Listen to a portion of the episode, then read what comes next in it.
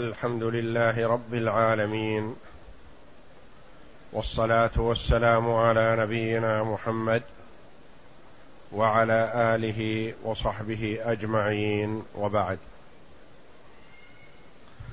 الحديث السابع والسبعون. عن أبي هريرة رضي الله عنه أن رسول الله صلى الله عليه وسلم قال إذا صلى أحدكم للناس فليخفف فإن فيهم الضعيف والسقيم وذا الحاجة. وإذا صلى أحدكم لنفسه فليطول ما شاء. الحديث الثامن والسبعون. عن أبي مسعود الأنصاري رضي الله عنه قال جاء رجل إلى رسول الله صلى الله عليه وسلم فقال إني لا أتأخر عن صلاة الصبح من أجل فلان مما يطول بنا. قال فما رأيت النبي صلى الله عليه وسلم غضب في موعظة قط أشد مما غضب يومئذ. فقال يا أيها الناس إن منكم منفرين فأيكم أما الناس فليوجز فإن من ورائه الكبير والصغير وذا الحاجة.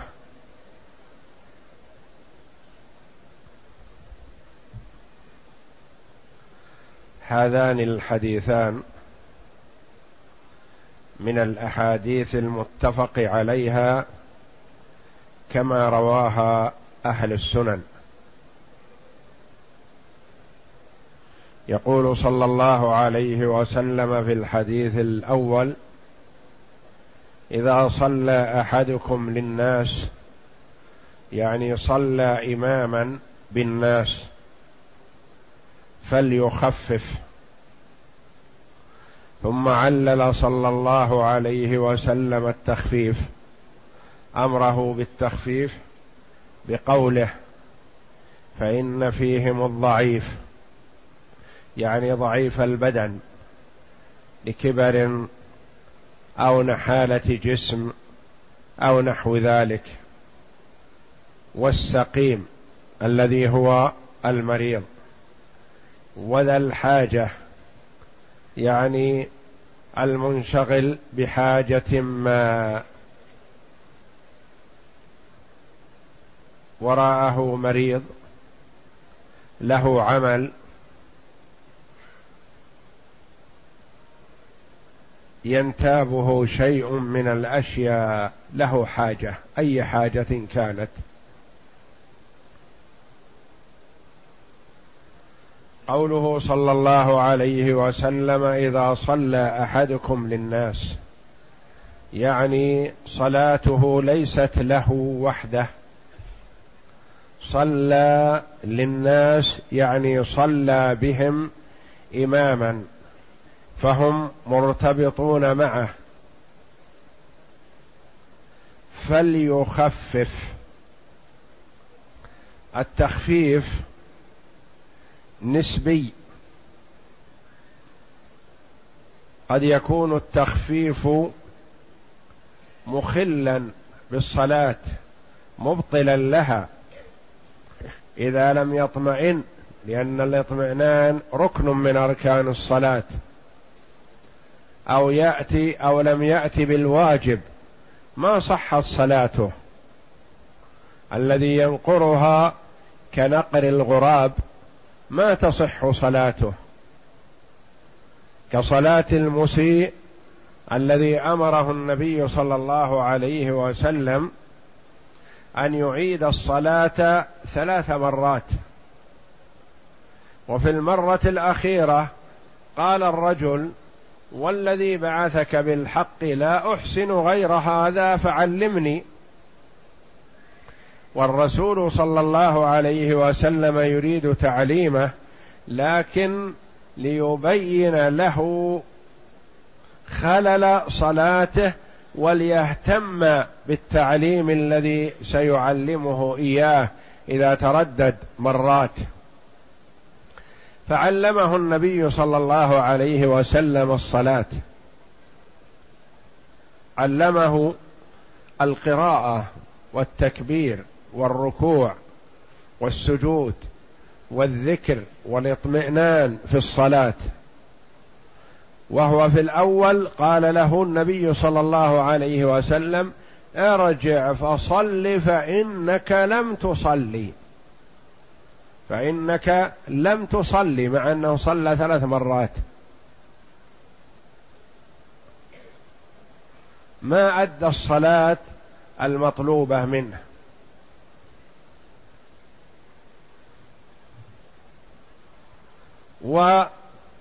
والتطويل الزائد الكثير الشاق على المأمومين منهي عنه. كأن يقرأ مثلا بسورة البقرة. النبي صلى الله عليه وسلم قام من الليل وقرأ بسورة البقرة. والنساء وآل عمران في ركعة واحدة. ومعه حذيفة ومرة معه ابن مسعود. وصلى بنفسه وبمن معه. فقرأ صلى الله عليه وسلم أكثر من سدس القرآن في ركعة واحدة.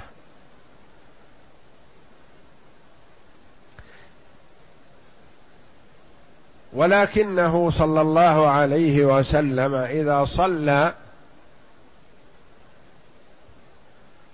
بالجماعة يقول عليه الصلاة والسلام في الحديث الصحيح كما في البخاري إني لأدخل في الصلاة أريد إطالتها ثم أسمع بكاء الصبي فأخففها. من أجل موجدة أمه. أمه تجد عليه. يعني تحب أن تنصرف من صلاتها لتسكت طفلها.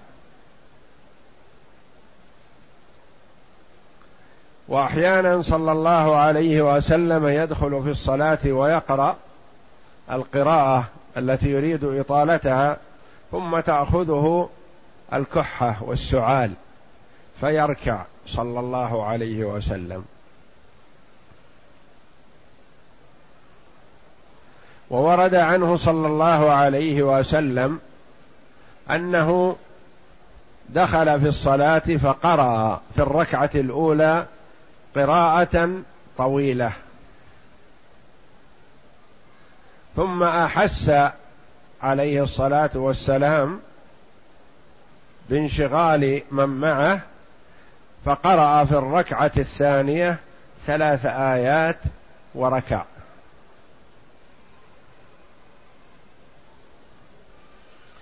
والتخفيف هنا قال العلماء رحمهم الله تخفيف نسبي يعني لا ينظر للناس الذين ينقرون الصلاة.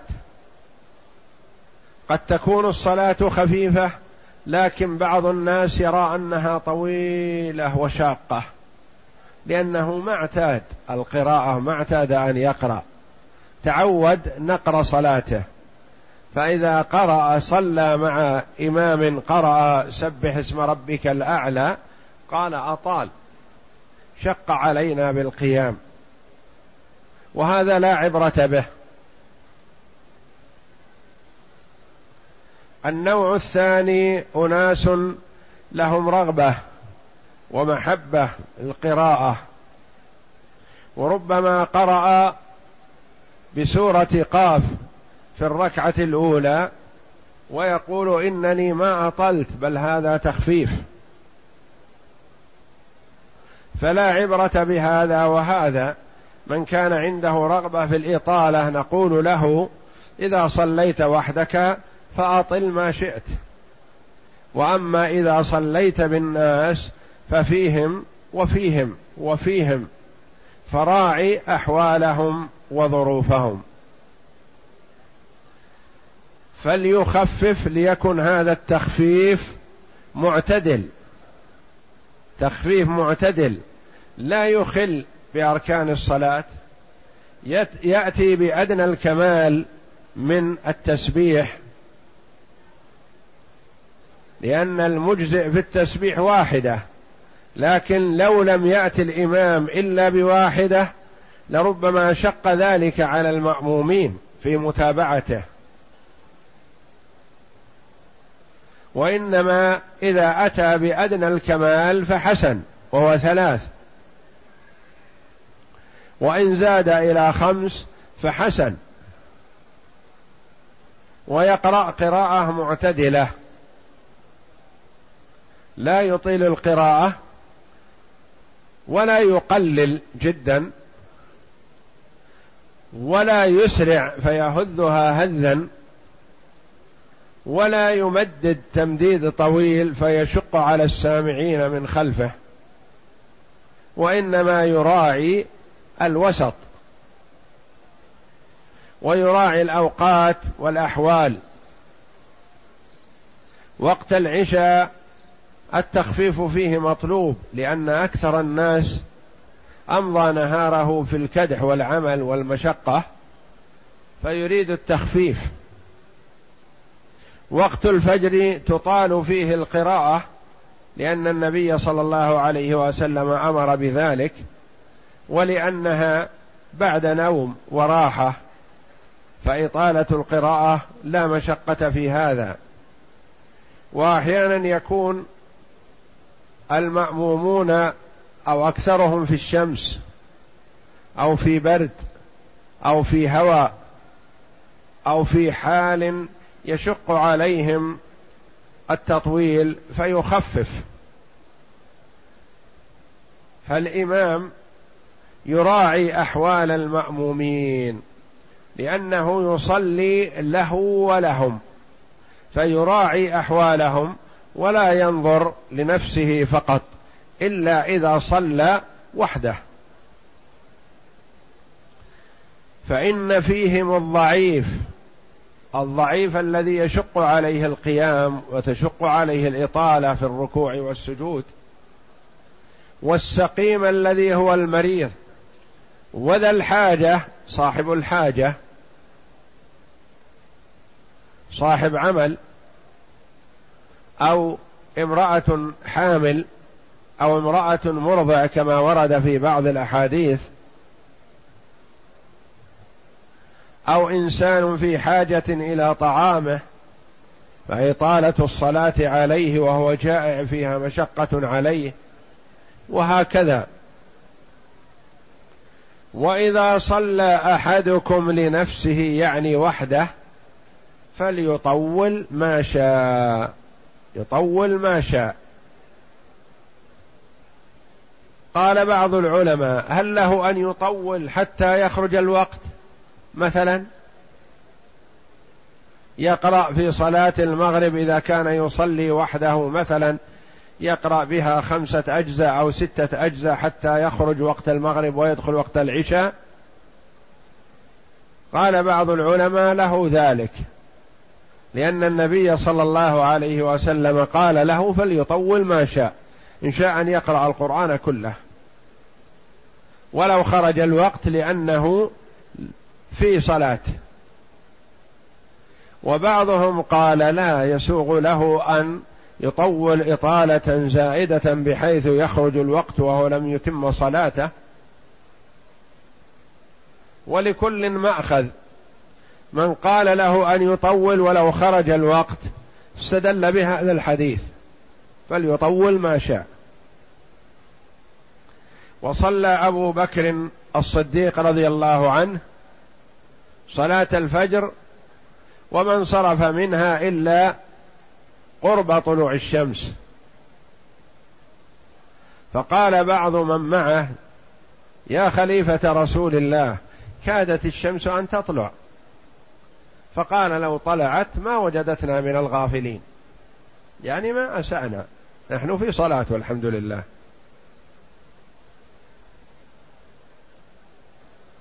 وبعض العلماء قال لا يطيل لأنه ورد النهي عن الإمهال في الصلاة حتى يخرج وقتها. فالذي أطال القراءة زود حتى خرج الوقت فهو مشمول بالنهي في أن تقع جزء من صلاته خارج وقتها.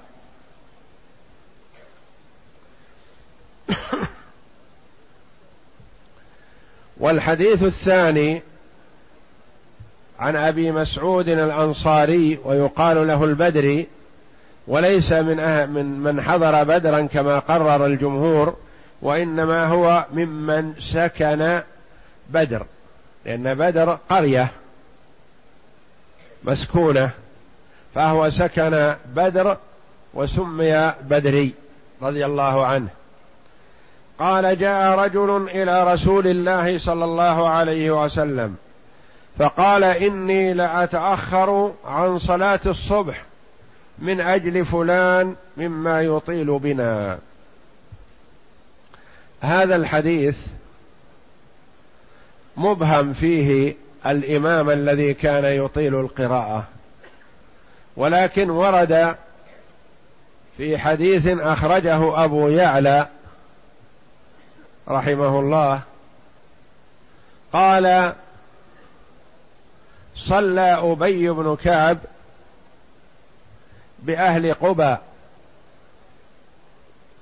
فاستفتح بسورة طويلة. ثم إن غلاما من الأنصار لما رآه استفتح بهذه السورة انصرف وصلى لوحده وخرج. فعلم أبي بن كعب رضي الله عنه بذلك فنال من الغلام يعني سبه وذهب يشتكيه على النبي صلى الله عليه وسلم. فجاء الغلام نفسه إلى النبي صلى الله عليه وسلم ليشتكي أبي بن كعب. فقال ما ورد في هذا الحديث. إني لأتأخر عن صلاة الصبح من أجل فلان من أجل أبي بن كعب مما يطيل بنا. قال أبو مسعود رضي الله عنه فما رأيت النبي صلى الله عليه وسلم غضب في موعظة قط أشد مما غضب يومئذ. يعني ذكر ونصح ووعظ بغضب على من يعظه. كيف يغضب وهو واعظ. نعم. قال العلماء رحمهم الله لا بأس بالغضب على طالب العلم. النبي صلى الله عليه وسلم جرت عادته وسنته التلطف بالجاهل والرفق به. والذي بال في ناحية المسجد قال لا تزرموه دعوه. يكمل بوله في المسجد. فلما بال وانتهى أمر النبي صلى الله عليه وسلم بذنوب من ماء فصب على بول الرجل واستدعى الرجل ونصحه ووعظه برفق ولين عليه الصلاة والسلام. وأحيانا كما في هذا الحديث يعظ الصحابة ويغضب صلى الله عليه وسلم غضبا شديدا. وأحيانا يسوي الصفوف صلى الله عليه وسلم بنفسه فلما رأى رجلا باديا صدره غضب عليه. كيف الجمع بين هذا وهذا؟ اولا الجاهل يعذر بجهله ويتلطف به من أجل أن يستفيد. لأن الجاهل لو قسوت عليه ما استفاد منك ونفر منك ومن غيرك وأبغض الدعاة كلهم وما ألف الجلوس معهم لأنه جاهل. وأما طالب العلم فلا بأس أن تغضب عليه لأحد أمرين. إما لأنه ينبغي أن يعلم هذه المسألة فكيف يجهلها؟ فتقول لا يليق من مثلك أن تجهل هذا لأجل أن يهتم ولا يسأل السؤال الذي لا ينبغي أن يصدر من مثله. يرجع إلى الكتب وإلى السنة ويأخذ منها ويتنور ويستفيد. أو لأن المعلم قد علمهم إياها من قبل. فنتيجة إهمال من طالب العلم نسيها. وكلاهما محتمل في مثل هذا الحديث. النبي صلى الله عليه وسلم علم الصحابة رضي الله عنهم في الرجل الذي جاء أول يسأل يشتكي معاذ رضي الله عنه. وبعض أهل العلم يظن أن الحديثين في موضوع واحد وأن هذا الرجل المبهم هو معاذ بن جبل رضي الله عنه. وليس الأمر كذلك بل معاذ بن جبل رضي الله عنه الشكوى التي صدرت ضده في صلاة العشاء وهذا في صلاة الفجر. وهذا ورد أنه غلام يعني شاب صغير. وذاك صاحب حرث. أمضى نهاره في حرثه ومع ناضحيه.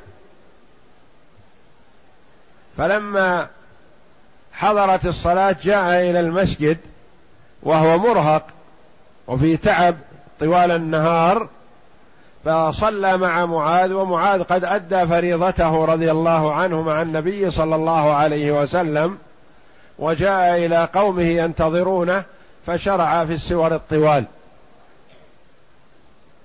فصلى بهم هذا الرجل الذي مع ناضحيه طوال يومه لما رأى إطالة معاذ رضي الله عنه انفرد وكمل صلاته وذهب.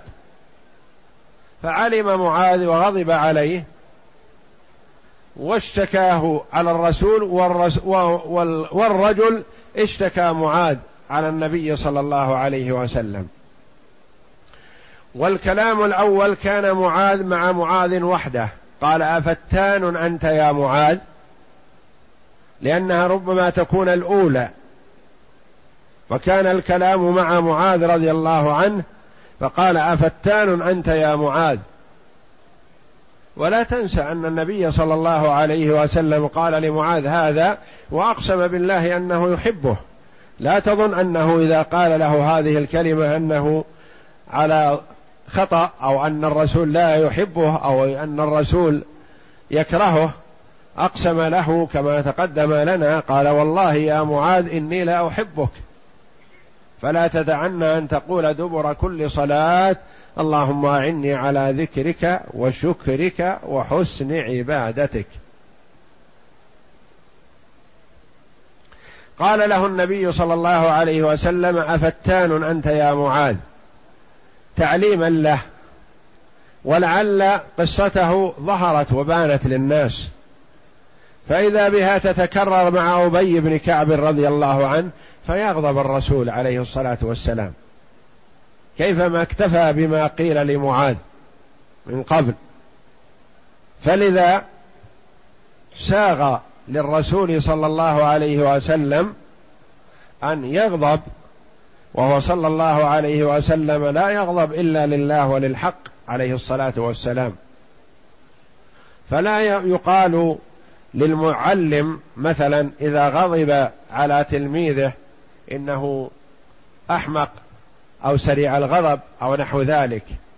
لأن الغضب قد يكون فيه مصلحة للمتعلم يستفيد ويهتم بالمسائل العلمية. وإلا كل ما عن على باله قال أسأل الشيخ أسأل المعلم. لا يا أخي طالب العلم يشارك المعلم ويتعلم.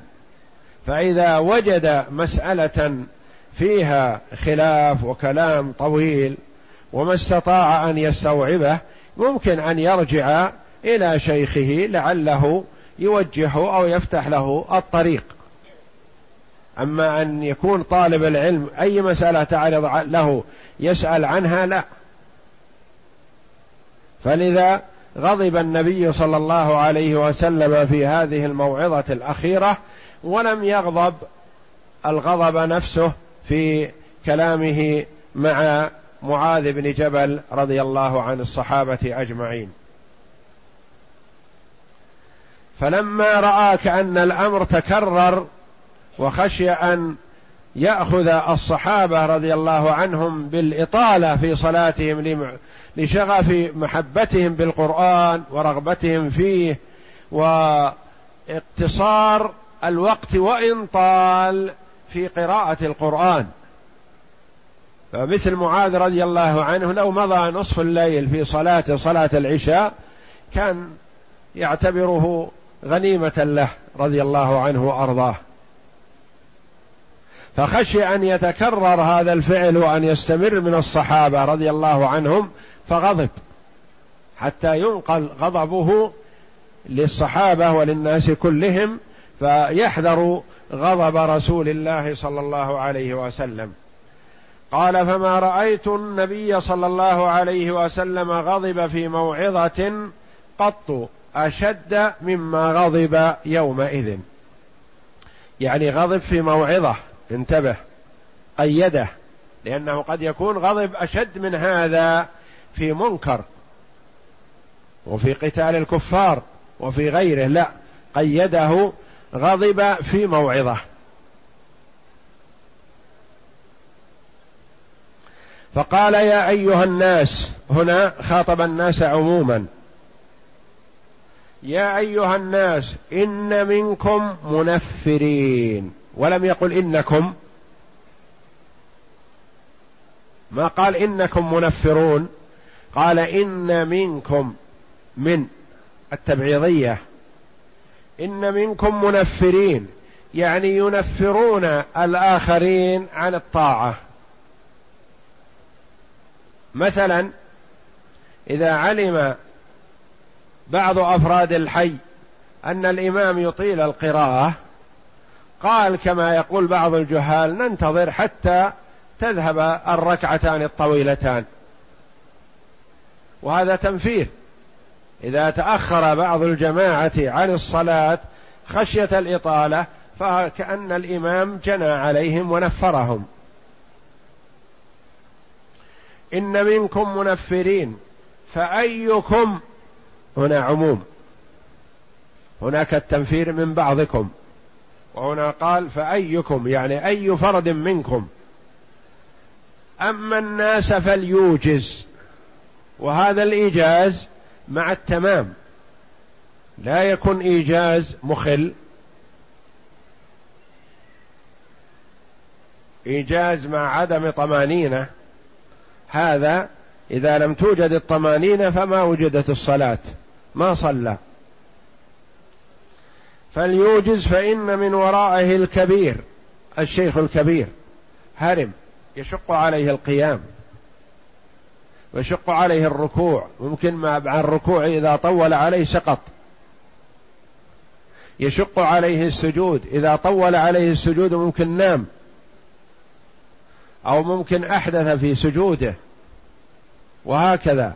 فيشق عليه آه، الاستمساك والقوة. من ورائه الكبير والصغير كذلك. لأن الصغار كانوا يصلون مع النبي صلى الله عليه وسلم. والنبي صلى الله عليه وسلم يقول مروا أولادكم بالصلاة لسبع واضربوهم عليها لعشر. فابن سبع يصلي مع النبي صلى الله عليه وسلم. ويصلون الشباب الصغار صفوفا وحدهم. لا يدخلون في الصفوف الأول لقوله صلى الله عليه وسلم ليلني منكم أولو الأحلام والنهى يعني الرجال الكبار الذين ممكن أن يستفيد منهم الإمام. إن غلط أو ارتج عليه فتحوا عليه. وإن انتابه أمر استخلف أحدهم فخلفوه في الصلاة وهكذا. والصغير مأمور بالصلاة. ابن سبع يؤمر بالصلاة يأخذه أبوه معه الذكر والأنثى تعلمها أمها وتصلي معها. ولا بأس أن تصلي بها أول الأمر. تكون الأم بمثابة الإمام والبنت تصلي بصلاة أمها من باب التعليم. والولد الذكر يأخذه أبوه معه إلى المسجد ولا يجعله يشوش على المصلين ولا يدخل في الصفوف المقدمة وإنما يكون في صف وحدهم خلف الرجال. كما أورد الفقهاء رحمهم الله ترتيب الصفوف اولا صفوف الرجال ثم صفوف الصبيان ثم صفوف النساء ثم صفوف الفتيات الصغار إذا كنا حضرنا مع أمة وذا الحاجة. هذه كلمة عامة تشمل كل صاحب حاجة امرأة مرضع مستعجلة لطفلها امرأة حامل يصعب عليها طول القيام والركوع والسجود. رجل مريض جيء به يهادى بين رجلين يشق عليه طالة الصلاة كما كان الصحابة رضي الله عنهم يقول عبد الله بن مسعود رضي الله عنه ولقد كان الرجل يؤتى به يهادى بين الرجلين حتى يقام في الصف. ولقد رأيتنا وما يتخلف عنها أي عن صلاة الجماعة إلا منافق معلوم النفاق. فالمؤمن في بيته يسمع إقامة الصلاة وإن كان مريض ومعذور ولو صلى في بيته صحت وله أجر الجماعة لكن الرغبة في الخير عنده تدفعه إلى أن يطلب اثنين من جيرانه أو من إخوانه يمسكان بعضديه ويأخذان به حتى يجلسانه في الصف. فهذا الذي جاء بين رجلين يعضدانه يشق عليه الإطالة حتى وإن كان يصلي جالس. فيراعى. إنسان مثلا له محل تجاري يشتغل فيه وجاء ليحضر صلاة الجماعة وعجل لشغله. إنسان في حرثه وفي زرعه إنسان آخر حارس وتركه لشغله يشق عليه وحراسته وهكذا. فيراعى هؤلاء كلهم. وذا الحاجة هذه كلمة عامة لكل صاحب حاجة. مثلا إنسان جائع وطعامه مهيأ فهو يحب أن ينصرف لطعامه. إنسان عنده مريض وجاء ليحضر صلاة الجماعة وباله منشغل مع مريضه فهو يحب أن تنتهي الصلاة بسرعة ليذهب لمريضه وهكذا.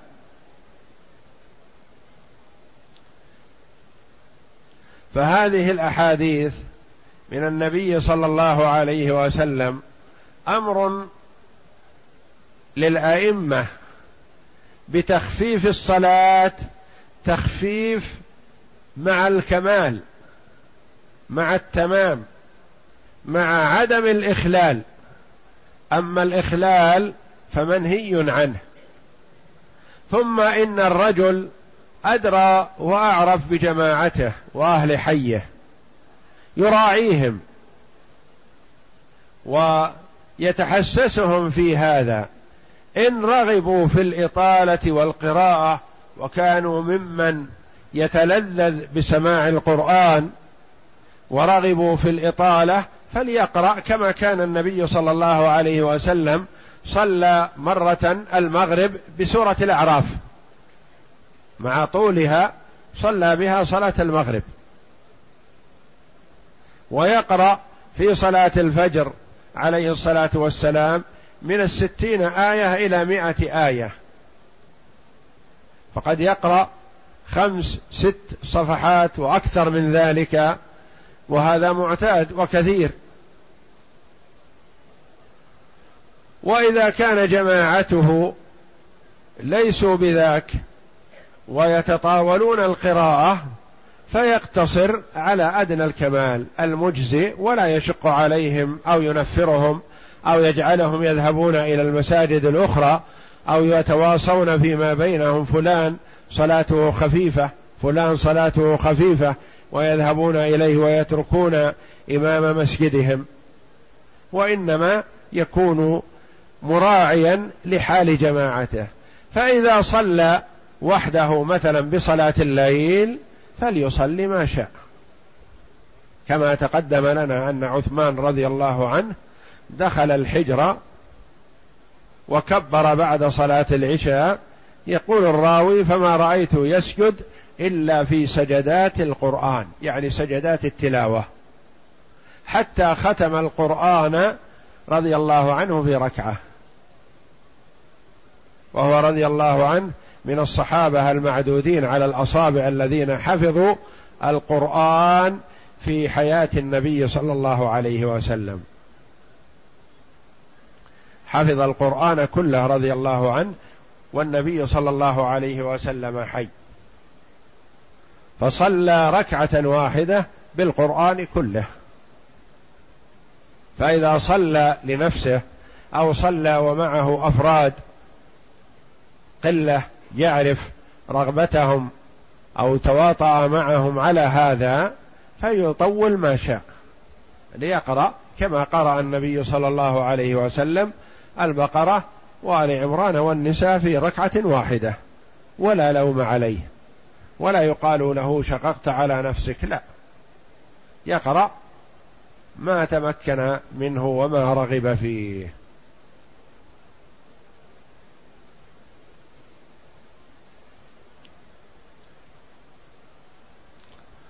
والإسلام دين الإلفة والمحبة والاجتماع والتآلف.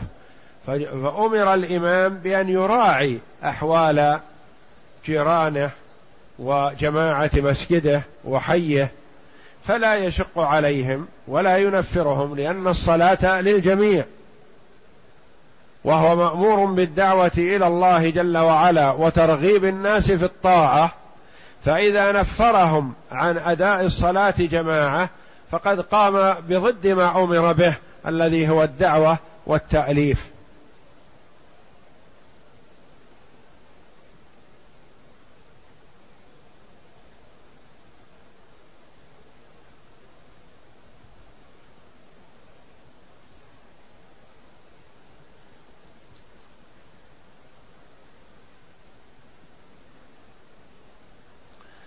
ما يؤخذ من الحديثين وجوب تخفيف صلاة الجماعة مع الإتمام.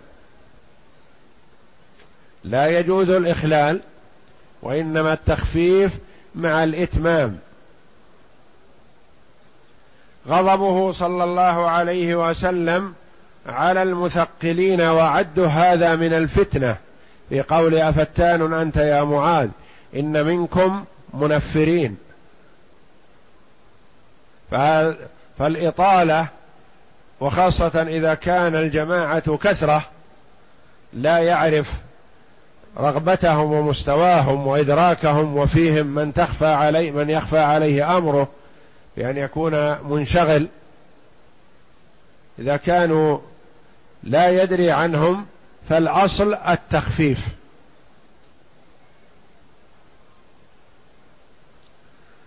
جواز صلاة المنفرد سواء كان إماما سواء كان يصلي يصلي الفريضة أو النافلة. حتى من كان يصلي من له عذر وصلى في بيته أو فاتته صلاة الجماعة لنوم ونحوه فصلى وحده له أن يطيل ولا حرج عليه ما دام يصلي وحده. ولا شك أن وجوب صلاة الجماعة آكد من كون المرء يطيل القراءة والركوع والسجود. فلا يجهل بعض الناس يتخلف عن صلاة الجماعة ويطيل القراءة يقرأ قراءة طويلة ويتخلف عن صلاة الجماعة. نقول لا لا يجوز لك ذلك. حافظ على صلاة الجماعة ولو خفف الإمام ثم إذا صليت نافلة فأطل ما شئت.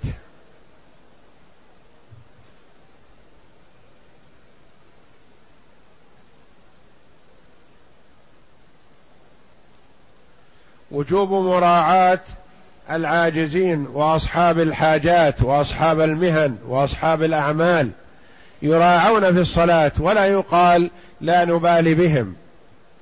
فكما قال عليه الصلاة والسلام الضعيف أمير الركب.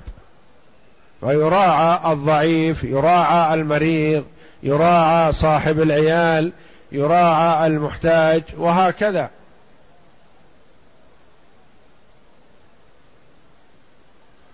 ولا بأس بالإطالة إذا كان عدد المأمومين محدود ومعلوم مثلا رغبتهم في الإطالة فلا بأس بذلك والحمد لله لأن النبي صلى الله عليه وسلم أطال بعض الأحيان.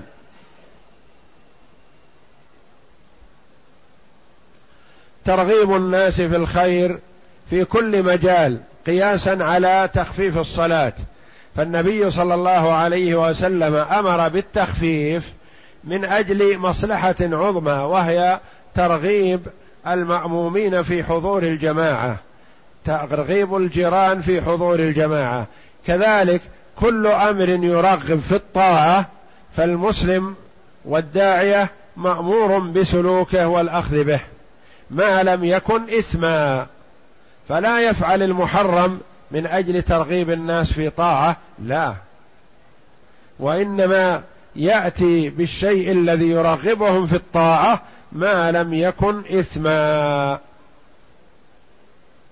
والله أعلم. وصلى الله وسلم وبارك على عبده ورسول نبينا محمد وعلى آله وصحبه أجمعين.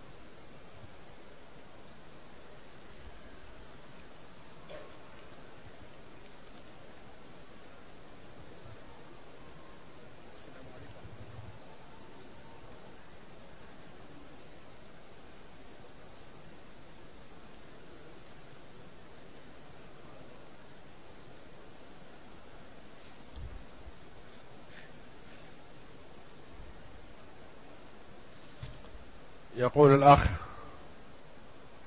ما الحكم في السجادة التي تكتب عليها آية الكرسي وتعلق في البيت أو يغطى بها الأموات ونحو ذلك؟ هذا لا يجوز لأن هذا من الامتهان لكلام الله جل وعلا. فكلام الله جل وعلا نزل للتشريع وللتعبد به ولقراءته وللعمل بما دل عليه لا ليعلق أو يجعل بمثابة الزينة ولا ليغطى به الأموات ولا ليفترش للصلاة ونحو ذلك. وتعظيم القرآن بقراءته وتدبره والعمل بما فيه.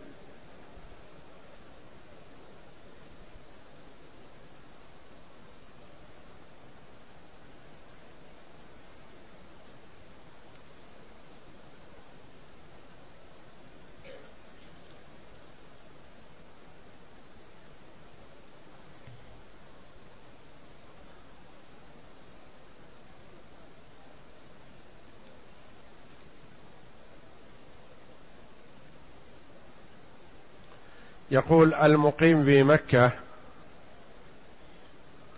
سافر للمدينة وعاد إلى مكة بعمرة. هذا حسن.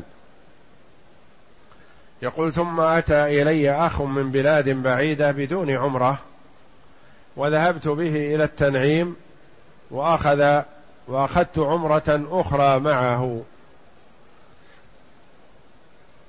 لا بأس بذلك لكن المقيم بمكة لا يحسن أن يخرج بنفسه من أجل الإتيان بعمرة من قريب.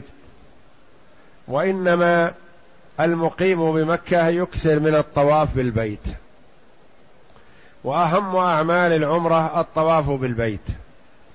فإذا خرج من مكة لغرض ما من الأغراض قريب أو بعيد ثم عاد إلى مكة عاد إليها بعمرة فلا بأس. فهذا الذي خرج بصاحبه ليدله على المكان الذي يحرم منه خارج مكة يعني من التنعيم أو من عرفات أو من الشرائع. لا يلزم أن يكون الإحرام لمن كان في مكة من التنعيم وإنما من كان بمكه يحرم من الحل. أي ناحية من نواحي الحل؟ سواء. وإنما النبي صلى الله عليه وسلم أمر عبد الرحمن بن أبي بكر بأن يخرج بعائشة رضي الله عنهما إلى التنعيم لأنه أقرب الحل إلى المسجد الحرام. أقرب الحل إلى المسجد الحرام هو التنعيم. فلو خرج إلى الشرائع أو إلى عرفات أو إلى طريق جدة أو إلى أي مكان وأحرم منه فلا بأس.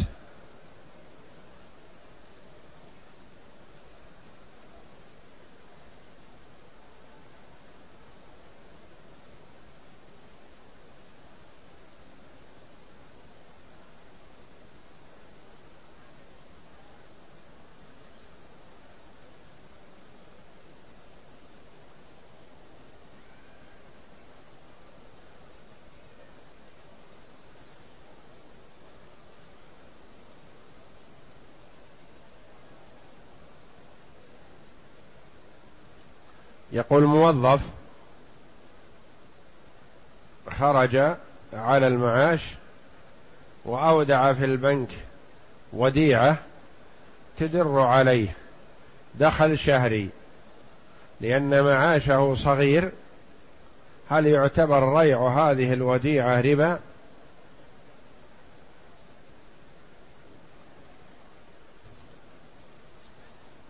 إيداع المال في البنك بفائدة معلومة شهرية أو سنوية أو نصف شهرية أو نصف سنوية هذا محرم وهذا ربا الجاهلية.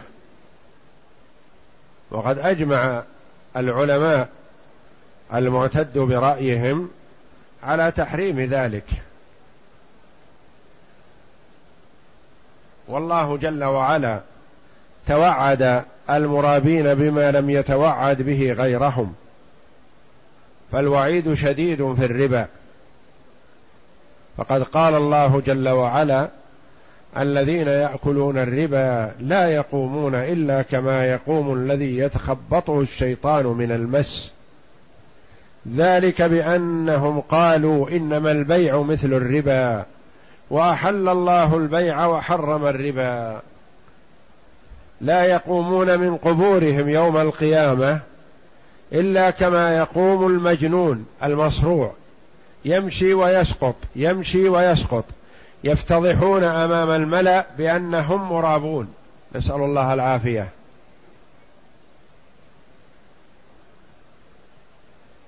ورد أن تكون بيوتهم بطونهم كالبيوت العظيمة فترجح بهم. فما يستطيعون المشي بانتظام.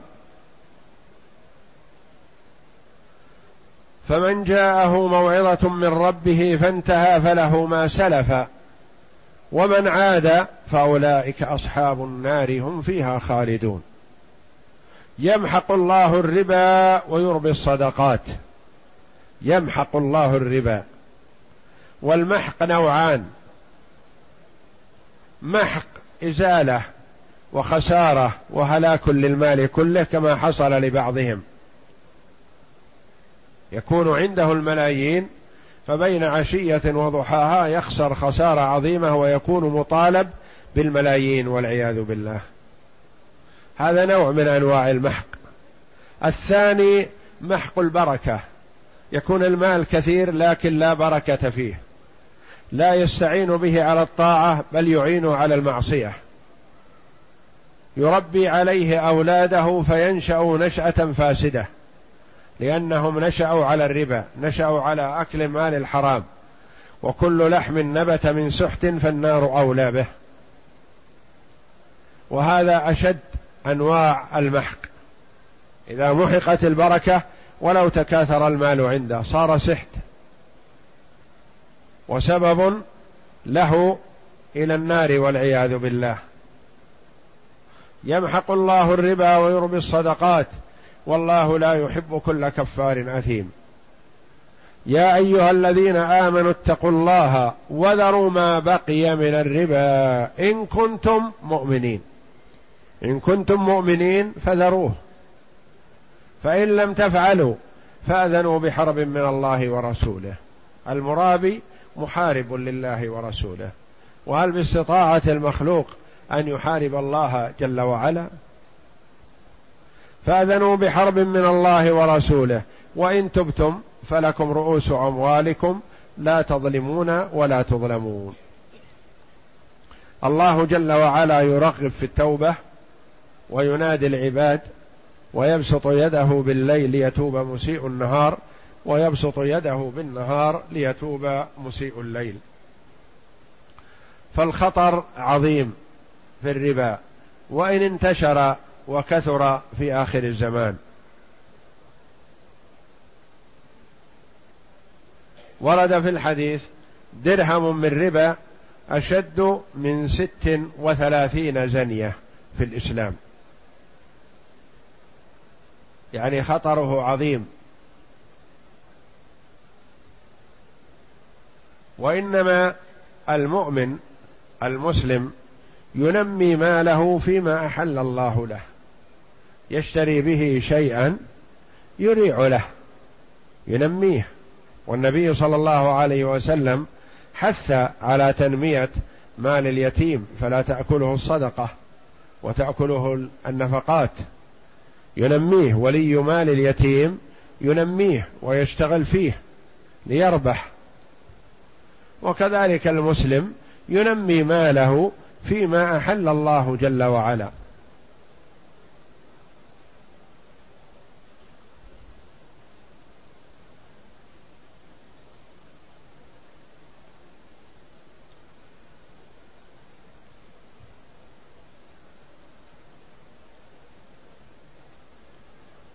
يقول ما الرأي فيما لو اختلف العلماء في الفتوى أحدهما يحلل والآخر يحرم.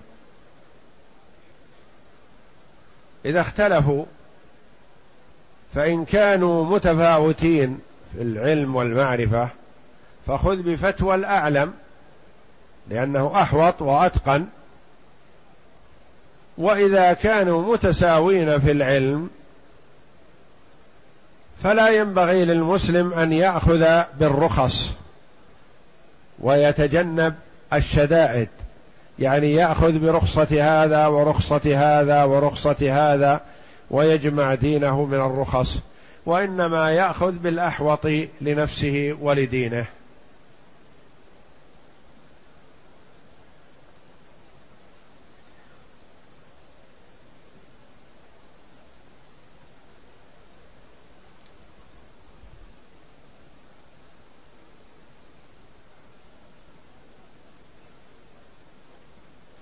يقول عندنا إمام راتب يصلي بنا ولكنه كل سنة يذبح في بيته ويذهب بالطعام إلى قبر جدة.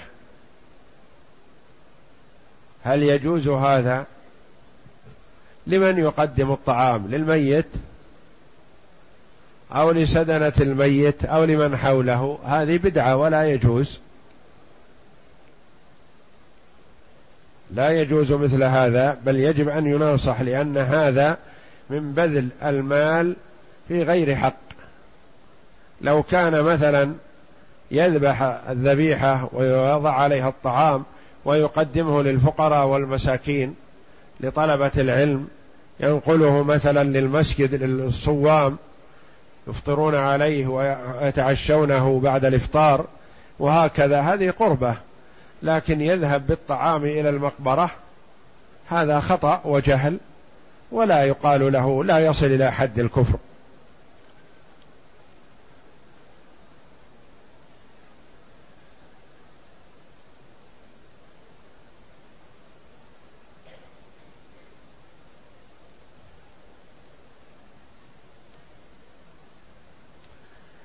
امرأة توفي عنها زوجها فهل تخرج إلى بيت ابنها أثناء العدة؟ علما أن ابنها يسكن في شقة في نفس العمارة. ما دام أنه في نفس العمارة التي تسكن فيها فلا حرج لأنها عبارة العمارة كلها كبيت واحد لا حرج عليها في هذا.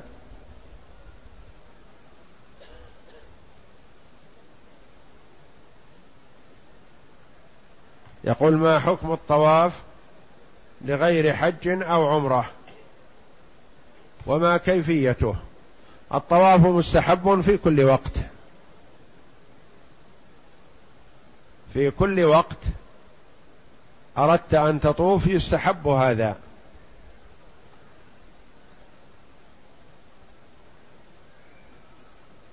وكيفيته؟ سبعة أشواط. كل طواف سواء كان ركنا من أركان الحج أو ركنا من أركان العمرة أو واجب من واجبات الحج أو طواف مسنون كطواف القدوم أو طواف تطوع كله سبعة أشواط تبدأ من الحجر الأسود وتنتهي بالحجر الأسود.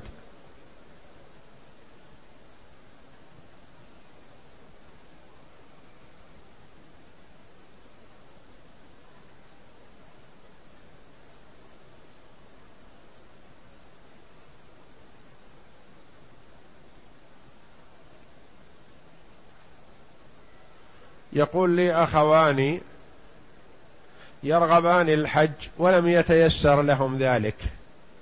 إذا لم يتيسر لهم ذلك فلا حرج عليهم والحمد لله. لأن الله جل وعلا قال في كتابه العزيز ولله على الناس حج البيت من استطاع إليه سبيلا. فمن لم يستطع سبيلا إلى الحج فلا حرج عليه.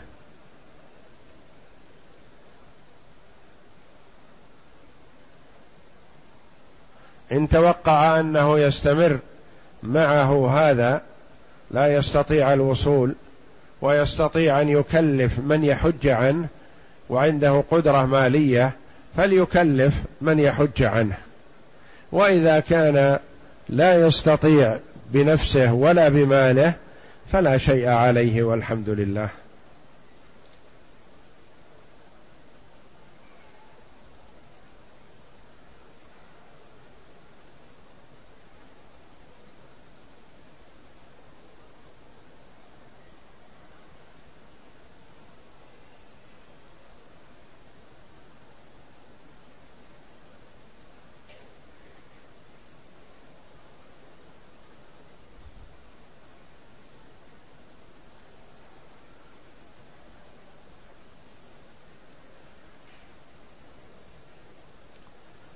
يقول قدمنا من سفر فحانت صلاة المغرب أثناء الطريق فقلنا نصليها جمع تأخير مع العشاء.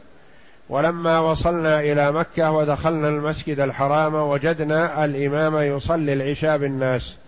فمنا من صلى المغرب خفيفة ومنا ودخل مع الإمام ومنا من صلى العشاء مع الإمام ثم صلى المغرب فما هو الصواب؟ الأولون على صواب الذين صلوا المغرب اولا ثم دخلوا مع الإمام وصلوا ما أدركوا من صلاة العشاء وأتموا ما فاتهم. وأما الذين صلوا العشاء بنية العشاء قبل المغرب فصلاتهم غير صحيحة. يجب عليهم أن يصلوا المغرب اولا ثم العشاء بعدها. فهؤلاء الذين دخلوا مع الإمام بنية العشاء يصلون العشاء وتكون لهم نافلة لا فريضة. ويصلون المغرب بعدها ثم يصلون العشاء بعد المغرب لأن الترتيب واجب ولا زالوا في الوقت.